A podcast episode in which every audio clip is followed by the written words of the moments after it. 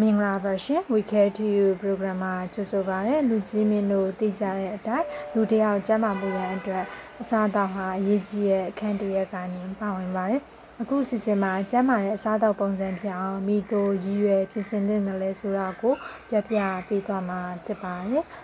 တနေ့တာစားသောက်မှုမှာအစာအုပ်စု၃ခုလုံးကိုညီညွတ်မြတ်တာအောင်စားသုံးပေးရပါမယ်။ အပီးအရွက်နဲ့ဒီညာကိုလူချင်းမင်းတို့အစာစားချိန်တိုင်းမှာသုံးပုံတစ်ပုံပါဝင်အောင်ပြင်ဆင်သင့်ပါတယ်။အစီဓာတ်နည်းတဲ့အသားများပဲမျိုးမျိုးနဲ့အကျုပ်တွေများကို လုံလောက်တဲ့ပမာဏရရှိအောင်စားသုံးပေးရပါမယ်။ရေကိုလုံလောက်စွာတောက်သုံးပေးပါ။ အချိုတက်နေတဲ့ဖြော်ရည်များကိုသာရွေးချယ်တောက်သုံးပေးပါ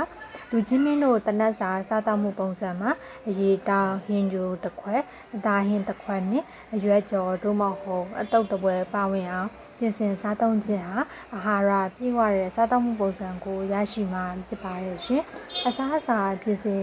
ချက်ပြုတ်ရမှာလဲငန်တက်များခြင်းအရသာမုံများခြင်းနဲ့ အစီများလွန်ခြင်းတို့ကိုရှောင်ကျဉ်ပေးရပါမယ်ရှင်အားလုံးပဲ